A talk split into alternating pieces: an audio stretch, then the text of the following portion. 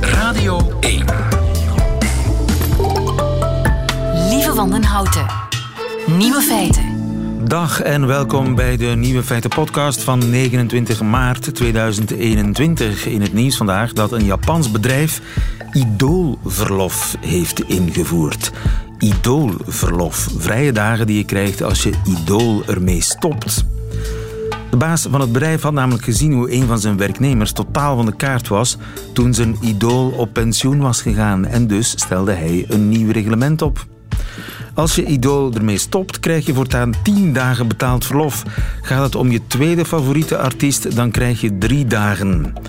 De 10 dagen rouwverlof krijg je ook als je idool trouwt. De kwestie is dus je idool goed te kiezen.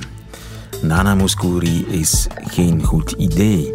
De andere nieuwe feiten vandaag. Slechtvalken zijn de trouwste dieren, maar niet in Kortrijk. Ook Frankrijk worstelt met de communicatie over de coronamaatregelen. Schizofrenie kan het gevolg zijn van een kattenkrab. En er is ontdekt waarom batterijen zo traag opladen. De nieuwe feiten van Nico Dijkshoorn hoort u in zijn middagjournaal. Veel plezier.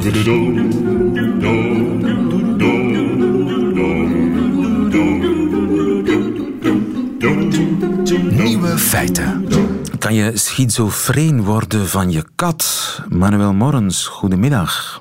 Goedemiddag. Je bent psychiater aan de Universiteit van Antwerpen. Het is in Amerika dat een jongen van 14 schizofreen zou zijn geworden nadat hij door zijn kat was gekrapt. Eerst en vooral schizofrenie. Uh, voor zover ik daar verstand van heb, dat heeft met waanbeelden te maken. Hè? Je krijgt waanbeelden, je wordt een beetje paranoïd. Dat klopt. Hè. Zoals uh, wat in tegenstelling tot wat de meeste mensen denken, wat er onder die term valt, gaat het niet over gespleten persoonlijkheid, maar is het een aandoening waar dat in bepaalde episodes symptomen opkomen, zoals dat u daar zegt, hè, hallucinaties, hè, dat is dan vaak stemmen horen, of het hebben van waangedachten, gedachten die eigenlijk helemaal niet met de realiteit kloppen. Ja, en het zijn vooral jonge mensen hè, die dat krijgen? Het eh, is een aandoening die door in het hele leven kan um, gebeuren, maar eigenlijk de eerste maal mensen zal treffen doorgaans tussen de 18 en de 30 jaar. Ja, tussen de 18 en de 30 jaar. En nu wordt er uh, die kwestie bestudeerd van een jongen van 14 in Amerika, die schizofreen zou geworden zijn door een kattenkrab. Wat is daarvan de logica? Wat zou dat kunnen? Wat zou het verband kunnen zijn? Wel, dat is een bijzonder gegeven dat in de lijn ligt van een, een breder iets dat we wel weten. Namelijk dat schizofrenie of breder psychotische stoornissen, dat dat wel eens uitgelokt kan worden door ontregelingen van het immuunsysteem. We weten dat mensen die een gevoeligheid hebben om psychose te krijgen, vaak ook een hypersensitief immuunsysteem hebben. Een immuunsysteem dat overgeactiveerd kan worden en door die overactivatie zich eigenlijk tegen het eigen brein kan gaan richten. Als een soort van auto-immuunziekte van het brein eigenlijk. Ah ja. En in dit geval zou het dan gaan om een bacterie die onderliggend is aan de kattenkrabziekte, die mogelijk bij die jongen het immuunsysteem een beetje te veel geactiveerd heeft met psychische klachten als gevolg. Dus het gaat eigenlijk om zo'n cytokinestorm. Hè. Dat begrip ken ik sinds eh, corona, want heel veel mensen hebben niet zozeer last van het virus zelf, dan wel van hun eigen afweersysteem dat in overdrive gaat. Dat klopt, dat klopt. En de link tussen het immuunsysteem dat in overdrive gaat en met de daaruit volgende inderdaad cytokinestorm. Hè, dus dat zijn allemaal stofjes die vrijkomen uh, door het immuunsysteem en die heel wat lelijk gaan huishouden. Uh, dat is iets dat je bij meerdere ziektes kunt zien. Hè. Bij corona nu zijn er ook al uh, meerdere casussen aangetoond die psychische klachten kunnen hebben door corona. We zijn dat hier in het universitair ziekenhuis van Duffel verbonden aan de Ook aan het onderzoeken. We zijn dat hier al een jaar uh, in kaart aan het brengen, wat dat de gevolgen zijn van corona. Maar men weet bijvoorbeeld ook bij griep, hè, bij influenza, dat het risico op het doen ontstaan van zo'n psychotische gevoeligheid sterk naar omhoog kan gaan. Aha, dus het, het zou zomaar kunnen dat je van COVID schizofreen wordt. Um, COVID is, is gelinkt geweest tot nu toe um, aan het hebben van enerzijds psychose, hè, dus die waan- en hallucinaties waar we het over hebben, maar ook bijvoorbeeld uh, aan een depressie. En dat is dan niet alleen door de maatregelen van, uh, ja, vanuit de overheid of uh, het verlieservaringen in de familie door de ziekte, maar ook effectief door het krijgen van de ziekte zelf. Ja, en dus het is een, je immuunsysteem dat in overdrive gaat en op die manier schizofrenie zou uitlokken. En dan blijkt in elk geval eh, bij die studie in Amerika, bij die, die 14-jarige jongen. Uh, dan hebben ze een heleboel schizofrenie-patiënten onderzocht. En bij 12 van de 17 patiënten werd de specifieke kattenkrabbacterie gevonden. Ja, dat gaat dan om een kleine studie, uiteindelijk 17 mensen, waarbij dat er dan bij een 11, 12-tal uh, dat aangetoond is. Dat, dat is interessant, um, maar dat is nu ook niet het soort studie waar dat we al direct grootschalige ja. um, het is, te klein daarvoor, gaan uitleggen. Hè. Het is daar te klein voor, maar het wijst wel in de richting dat ja, we toch wel beter en systematischer moeten gaan kijken naar mogelijk onderliggende infecties. Uh, die meegemaakt zijn geweest of actieve infecties die mogelijk samenhangen met symptomen van schizofrenie. Ja, en dat is dus een specifieke, in het geval van Amerika, dus een specifieke bacterie die een bepaalde kattenziekte veroorzaakt. Dus de Bartonella-bacterie. Kun je dat zien aan je kat, dat, dat die drager is van die bacterie? Um, ik denk niet dat je dat visueel uh, kunt zien of uw kat uh, kattenkrabbeziekte heeft. Ik ben natuurlijk ook geen dierarts. Nee. Hè. Dat zouden mijn collega's daar beter kunnen zeggen. Hè. Maar um, ik, ik, hoor hier vooral een verhaal in dat het niet specifiek alleen de kattenkrabziekte is, ja. maar dat het gewoon bacteriële en virale infecties in het algemeen zijn. Die bij mensen die daar gevoelig voor zijn, schizofrenie ja. kunnen uitlokken. Maar het is dus niet noodzakelijk om mijn kat daar voor de deur uit te doen. Nee, dat, dat lijkt me een beetje voorbij. Ja. Helder, Manuel Morens, dankjewel. Goedemiddag. Goedemiddag. Dag. Nieuwe feiten. Met Alex Visorek. Ah, c'est le printemps qui arrive in de vorm van Alex Visorek, onze man in Frankrijk. Goedemiddag, Alex. Ja, goedemiddag, lieven. toen ik twee weken geleden met je sprak, waren we hier in Parijs min of meer vrij. Behalve dat één avondklok vanaf zes uur. Maar daar is ondertussen verandering in gekomen. Zoals 21 miljoen Fransen zit ik momenteel in lockdown. De, de, de maatregels gelden in Parijs en in 16 andere departementen. Want Frankrijk is een groot land waar de maatregels van regio tot regio verschillen. België daarentegen is een klein land, maar waar de maatregels toch van regio tot regio verschillen. Als eind januari uh, waren er vermoedens uh, dat een lockdown niet te vermijden was, maar toch besliste Macron toen om te wachten. Was dat achteraf gezien een goede beslissing? Wel, ik laat de president lui-même horen.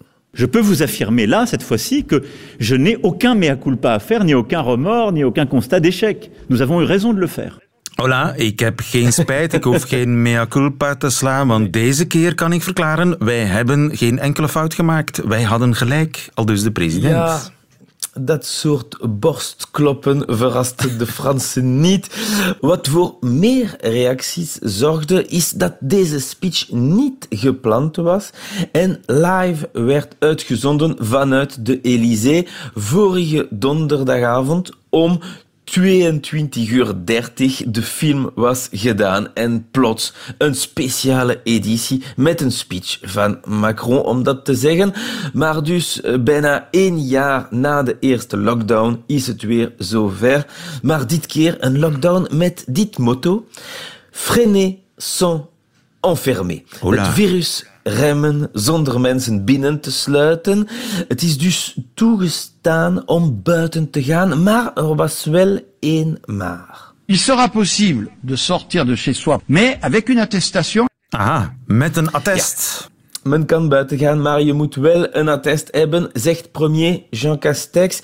En dat is een specialité française. Attesten. De Bordeaux, ja, of de Camembert, heb je iets dat je nergens anders vindt dan in Frankrijk. En dat is een verplaatsingsattest. Dat is een papiertje die je zelf moet invullen om te verklaren dat jouw verplaatsing essentieel is.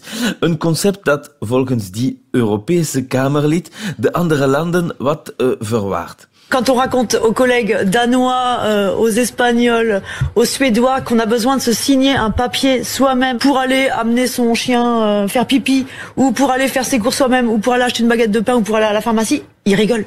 Ja, de andere Europese landen lachen ons uit, zegt ja. uh, dit Europees parlementslid. Uh, ja, de Fransen moeten een, moeten een papier invullen om een baguette te gaan kopen, om naar de apotheek te gaan of zelfs om de hond uit te laten om een plasje te, om ver pipi, om een pipi te doen. Ouais, ver pipi, ja, dat is echt waar, want uh, wat moet je je voorstellen voor zo'n attest? Dat is een formulier waar je de reden voor je verplaatsing moet aanduiden. En soms kan er twijfel zijn. Bijvoorbeeld, dit koppel wandelde op een markt met hun hond. On a fait une attestation. Euh, donc moi j'ai coché la case euh, animaux de compagnie et lui... Euh... Achat de première nécessité. Voilà. Donc on sait pas trop, on se dit au cas où on aura les deux. Ja, dus deze mevrouw heeft uh, twee attesten bij. Een attest om ja. uh, met het, uh, een hond te mogen gaan wandelen. dat heeft mevrouw dan bij. En ja. meneer heeft een attest aankopen, noodzakelijke aankopen. Ja, en zo zijn ze zeker in het goed. Uh, en sommigen gaan nog creatiever te werk. Vorig jaar had de politie twee bospoepers ontdekt. En had een attest... Hij had een attest voor sport en zij had een attest voor essentiële boodschappen. Maar met deze nieuwe lockdown is er dus een nieuwe versie van het attest. En ook dat leverde veel reactie op, omdat het alles behalve simpel is. Om maar een voorbeeld te geven, de toegelaten afstand van een verplaatsing hangt af van welke reden je aanduidt voor je verplaatsing. Oelala. Het is max 10 kilometer als je sport of wandelt, tussen 6 en 19 uur. Max 1 kilometer als je met je hond wandelt, na 19 uur. Niet verder dan 30 kilometer max om boodschappen te gaan doen, maar wel meer dan 30 kilometer als het voor het werk, familie of zorg is. Jawel, en wat denken de Fransen daarover? En gros, faut, un, faut un diplôme pour, pour lire ça. C'était déjà pas très clair dès le départ, mais, mais on perd encore en lisibilité. quoi. C'est impressionnant. Hein. C'est impressionnant. Ja, je hebt er een diploma voor nodig om dat te kunnen snappen. Ja, en door al die ophef en al het onbegrip dat het nieuwe attest veroorzaakt heeft, gebeurde wat gebeuren moest. Le gouvernement recule face à la volée de critiques. Cette attestation, difficile à comprendre et à remplir, n'est plus obligatoire. Ah, voilà, afgeschaft. Fini. Ja, maar nu mag je je gewoon verplaatsen met een bewijs van je domicilie op zak. Mm -hmm. Dan weten we hoe ver van je huis je bent. Uh, je, je zou dus denken dat de regering begrepen heeft dat heldere communicatie essentieel is. Nu ja, om zeker te zijn dat de Fransen de nieuwe maatregels van deze lockdown 3.0 snappen, uh, hebben ze heel hard gebrainstormd met deze slogan als resultaat. Dedans avec les miens, dehors en citoyen. Un alexandrin en guise de nouveau slogan pour inciter les Français à respecter les nouvelles mesures. Dedans avec les miens, dehors en citoyen. Binnen bubbel, buiten burger, als het ware. Ja, ja dat is... Maar in het Frans klinkt het veel chiquer, hè? Ja, ja, het is een, een vorm van een Alexandrijn, uh, uh, als een zesvoetige uh, jambische versregel, zegt men dat? Ja, ja, een zesvoetige jambe. Ja, jammer. Chic. toch eet hun premier niet Alexandrijn de Croo. Eh, die slogan wordt dus gebruikt om de maatregels in twee categorieën op te splitsen. Er zijn maatregels die je binnen met je gezinsleden moet naleven, dedans avec les miens. En de maatregels die je buiten als goede burger moet naleven, dehors en citoyen.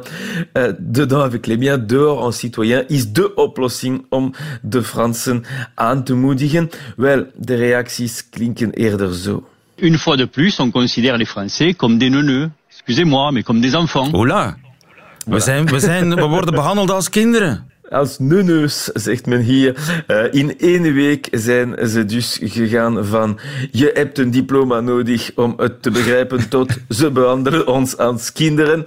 Je ziet dus deze nieuwe lockdown is niet op de beste manier gestart qua communicatie van de regering. En dat moet wel veranderen, want vandaag is er maar één deel van Frankrijk die in zijn kot moet blijven.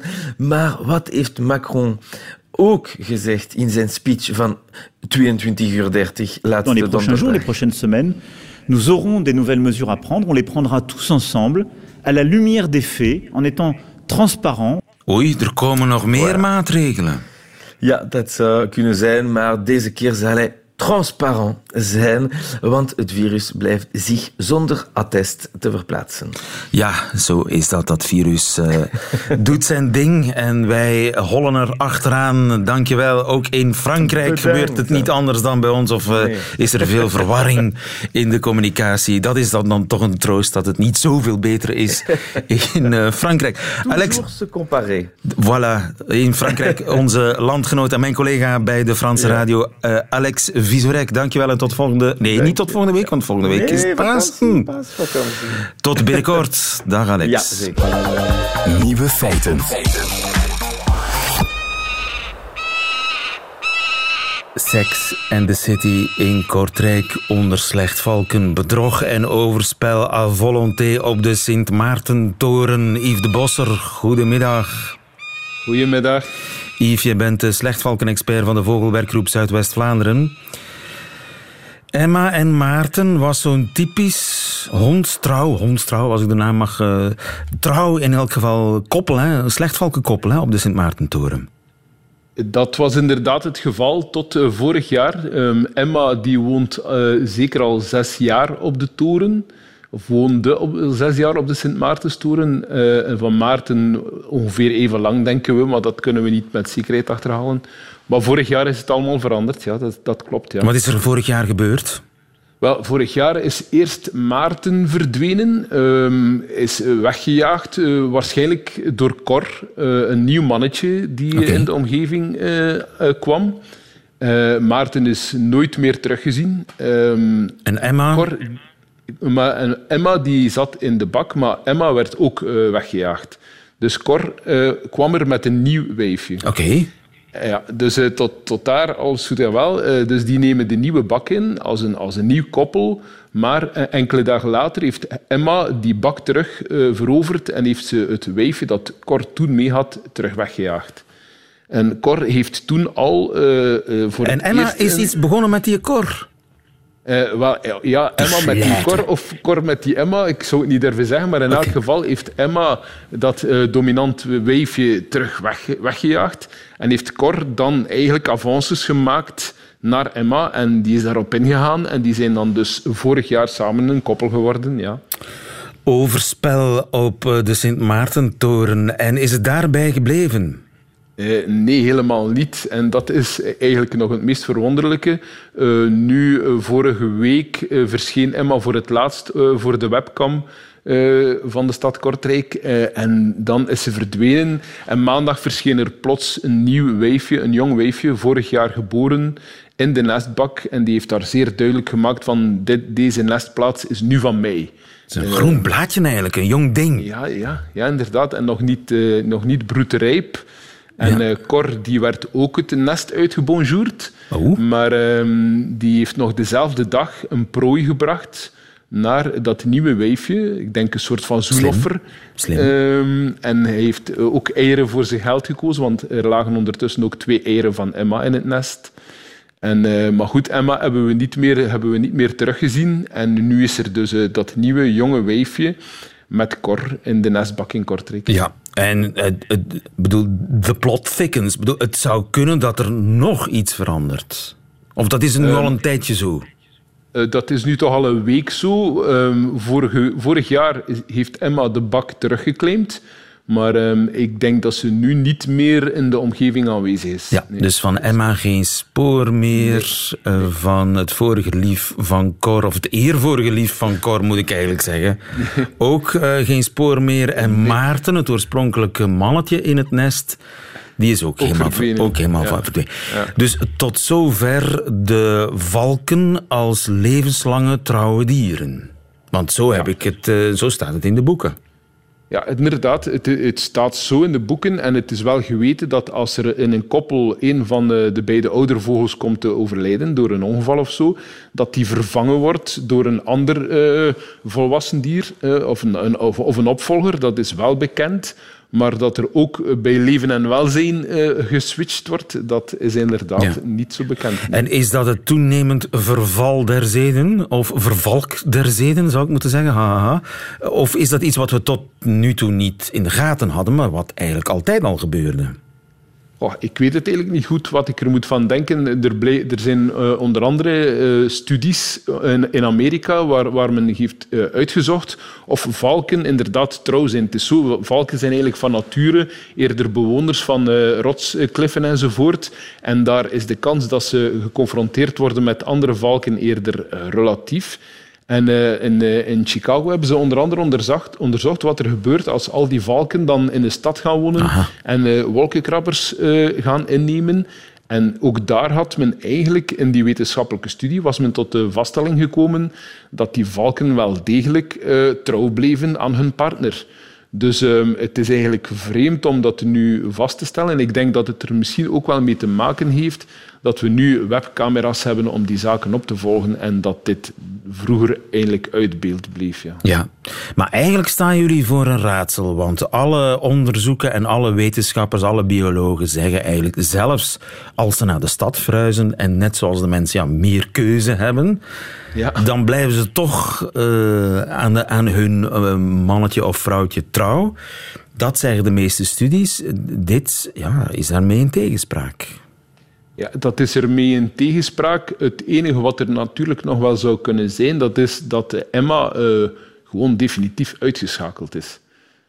Um, dat zou natuurlijk ook wel kunnen. En dat dan in die zin er een ander vrouwtje uh, uh, in haar plaats komt. Maar ja. dat weten we niet. Dat is, Emma is misschien dood. Voilà, inderdaad, ja. ja. Oké, okay, het is in elk geval heel spannend. Die, zit jij de hele dag voor die webcam te kijken wat, er, wat ze nu weer gaan uitge, uitgestoken hebben? Al die overspelige slechtvalken? Nee, nee, dat gelukkig nee, nee, nee, niet. Dat zou te veel tijd in beslag nemen. Maar goed, het is wel interessant. De beelden van de webcamera die zijn ook, die worden voor een, ongeveer een tiental uur bijgehouden. En dan kan je snel ook terugscrollen en zien wat er gebeurt.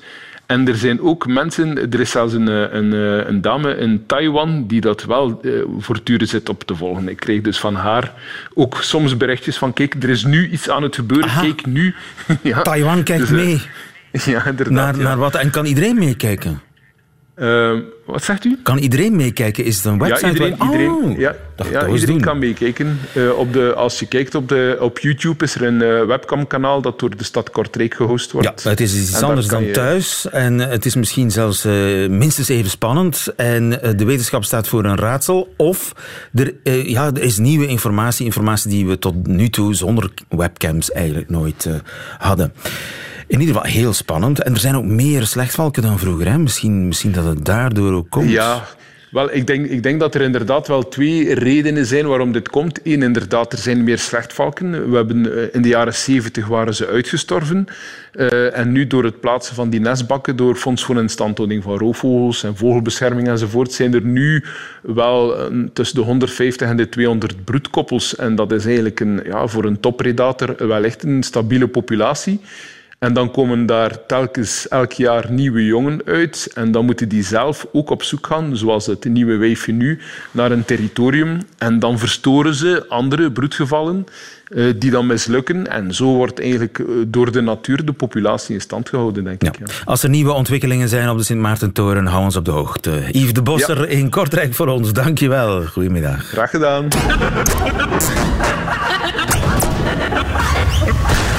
Nieuwe feiten.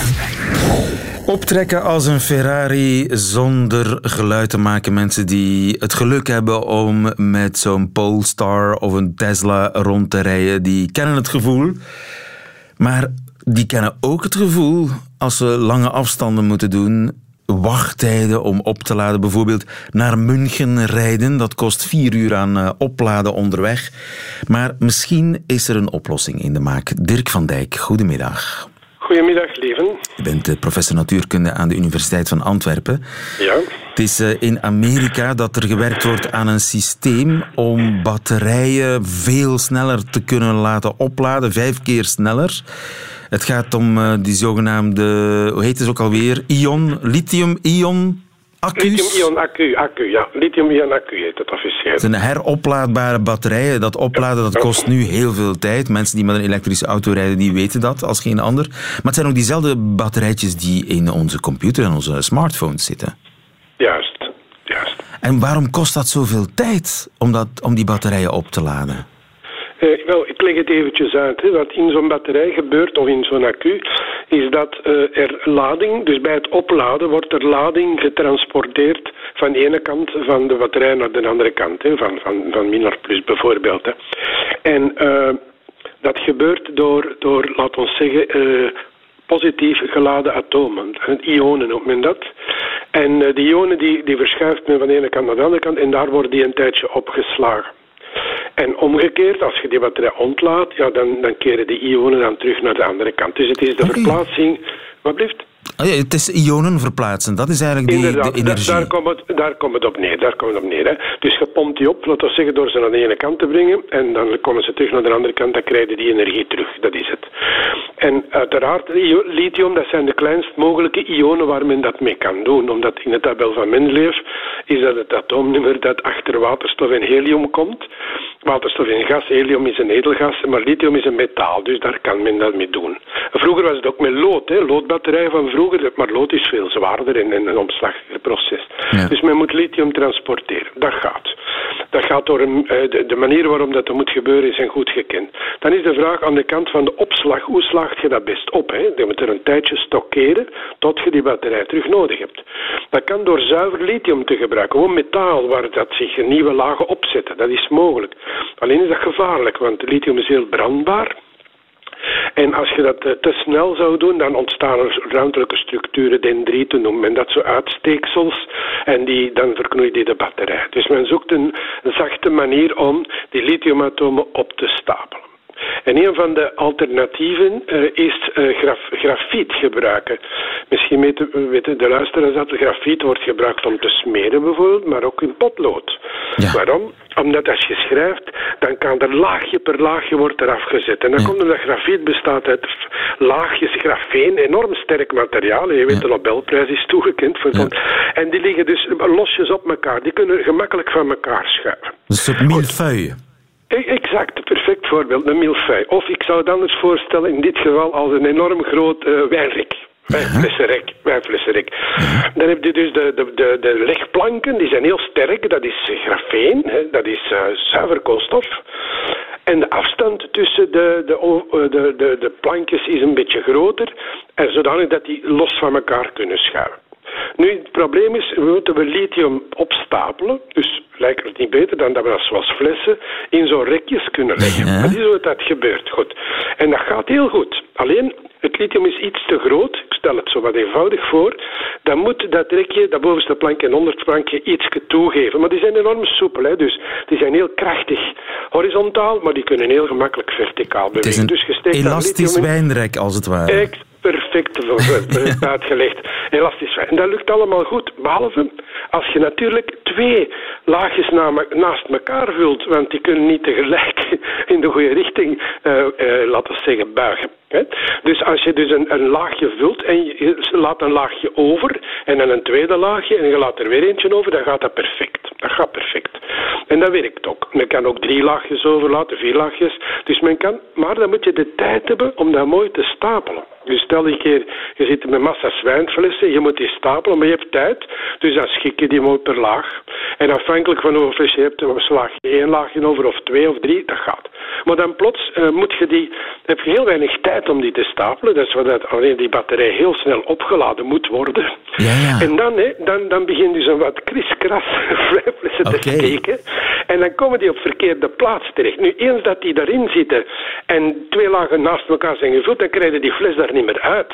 Hè, want die, die fles is eigenlijk iets te groot en je kunt die er wel in krijgen als je heel hard moet. Maar je krijgt ze niet meer gemakkelijk uit, omdat je niet per laag de vrijheid hebt uh, om dat er terug uit te schuiven. En is dat en nu de reden waarom het vandaag nog altijd, uh, zelfs bij snelladers, zo traag gaat? Wel, bij de deze, hè, bij de deze. De, er zijn ook andere snelladers die dan met zuiver lithium werken, maar dat heb ik gezegd, dat geeft andere nadelen. Ja. Dus, maar, maar de, de grafietcel, die, die eigenlijk, we zien dat als een prachtig uh, idee,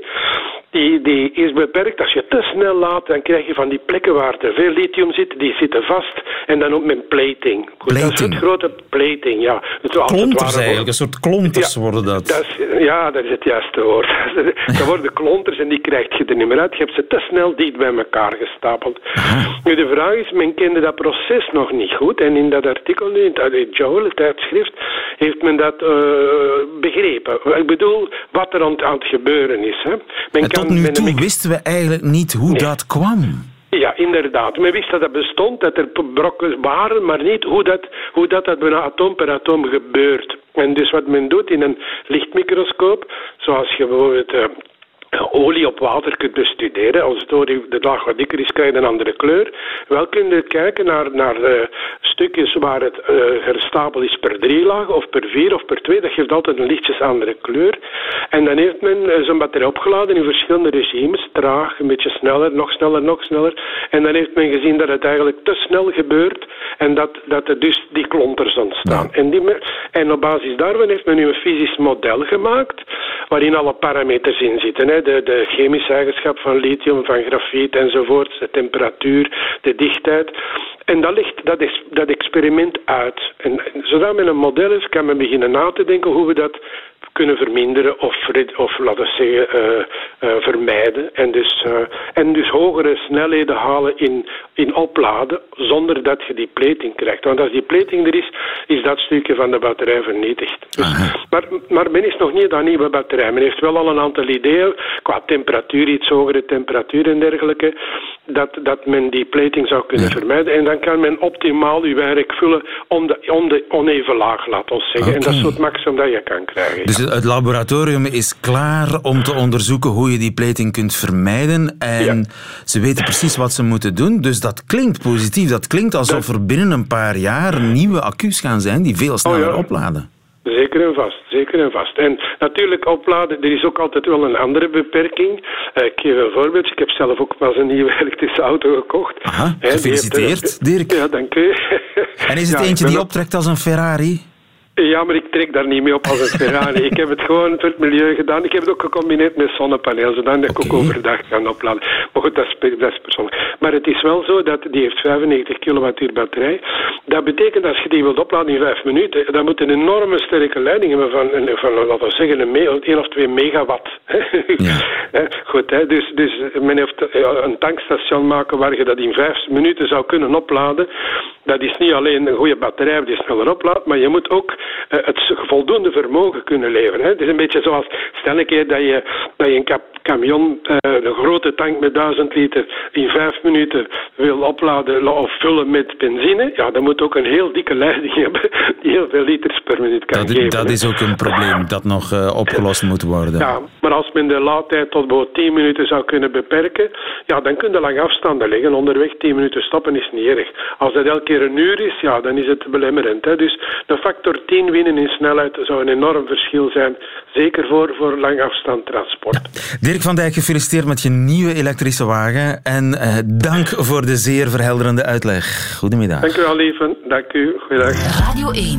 Altijd benieuwd. Dat waren ze, de nieuwe feiten van 29 maart 2021. Alleen nog die van Nico Dijkshoorn krijgt u in zijn middagjournaal. Nieuwe feiten. Middagjournaal. Beste luisteraars.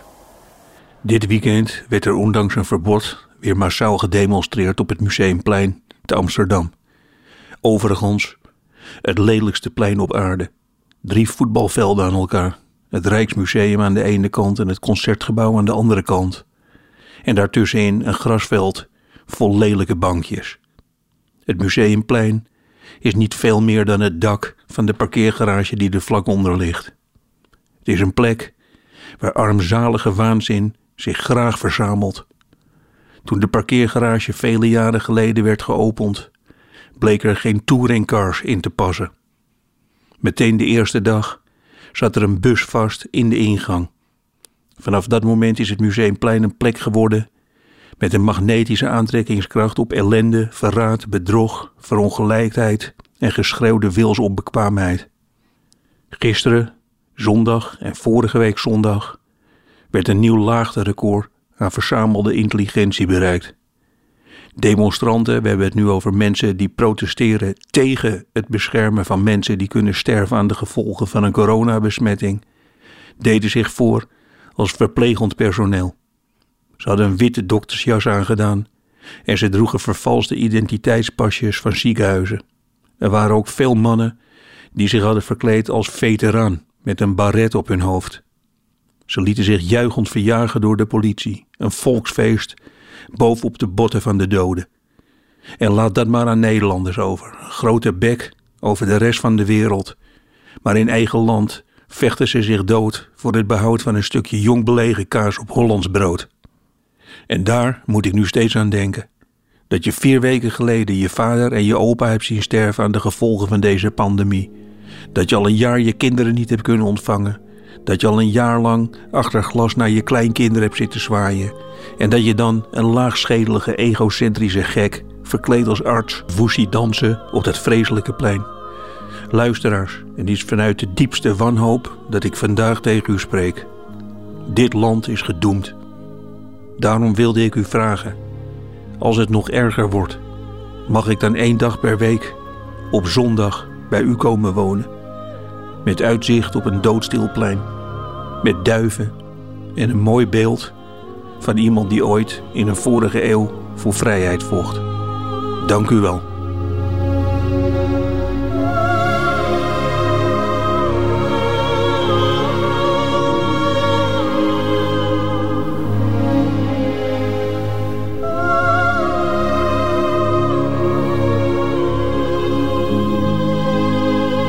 Het middagjournaal met Nico Dijkshoorn. Einde van deze podcast. Hoort u liever de volledige uitzending van Nieuwe Feiten? Dat kan natuurlijk ook via radio1.be of via de Radio 1-app, waar u overigens nog veel meer fijne, boeiende, spannende podcasts vindt. Tot een volgende keer.